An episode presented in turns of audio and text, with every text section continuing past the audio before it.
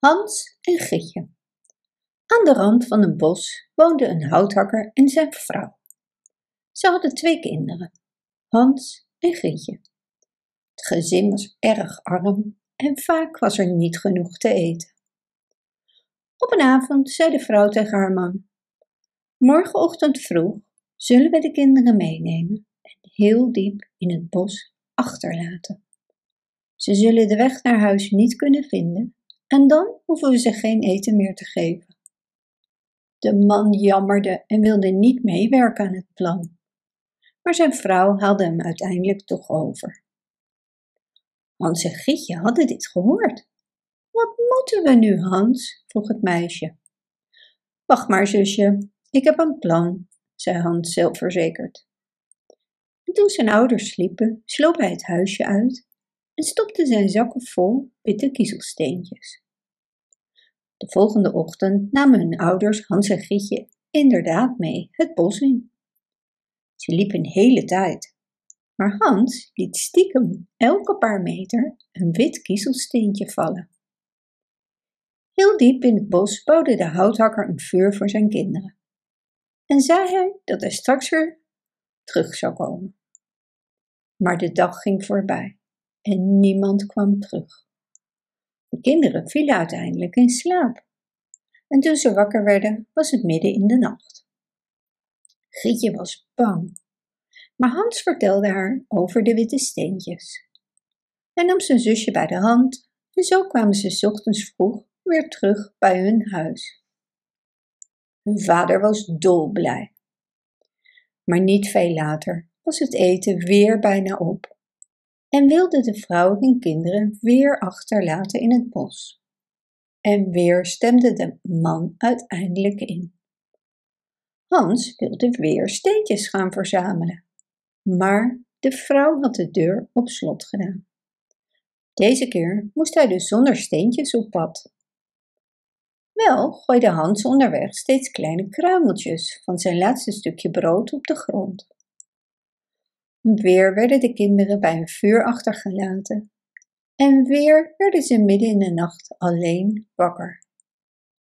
Maar toen Hans het spoor van de broodkruimels zocht, kon hij deze niet vinden. De vogeltjes hadden alle kruimels opgegeten. Dus dwaalden de kinderen urenlang door het bos. Ze hadden honger en dorst en wilden het bijna opgeven toen ze opeens een wel heel bijzonder huisje zagen. Het huisje was gemaakt van brood, de ramen van suiker en het dak van pannenkoeken. De kinderen begonnen er meteen van te snoepen. Plotseling klonk er een stem uit het huisje. Knibbel, knabbel, knuisje, wie knabbelt er aan mijn huisje? En de kinderen antwoordden: De wind, de wind, dat lieve kind en zaten onverstoord verder. Toen ging opeens de deur open en stond er een stokoud vrouwtje in de deuropening. Kom maar binnen, kinderen, ik zal jullie geen kwaad doen. Binnen kregen Hans en Gietje nog meer heerlijk eten en mochten ze in zachte bedjes slapen. Maar het oude vrouwtje was in werkelijkheid een gemene heks en kindjes waren haar lievelingseten. De volgende ochtend sloot ze Hans op in een kooitje. Gietje moest steeds lekker eten voor hem maken, zodat hij lekker dik werd. Maar Hans was slim. En elke keer als de heks vroeg of ze aan zijn vinger mocht voelen, stak hij een stokje naar buiten. De heks kon niet meer goed zien en dacht dat het zijn vinger was. En zo gingen vier weken voorbij.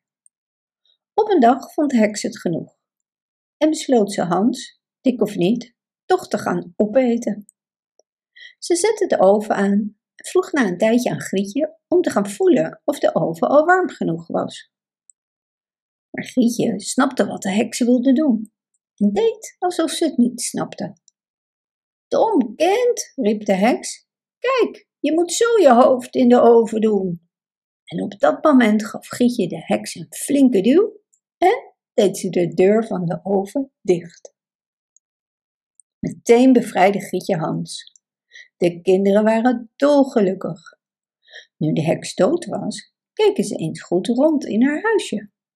Het stond vol met edelstenen en parels. Ze stopten hun zakken vol en gingen op zoek naar de weg naar huis. Na een tijdje lopen herkenden ze het bospad opeens. Ze renden zo hard als ze konden naar het huisje van hun vader. De houthakker was dolgelukkig dat zijn kinderen weer terug waren. Hij had ze zo gemist.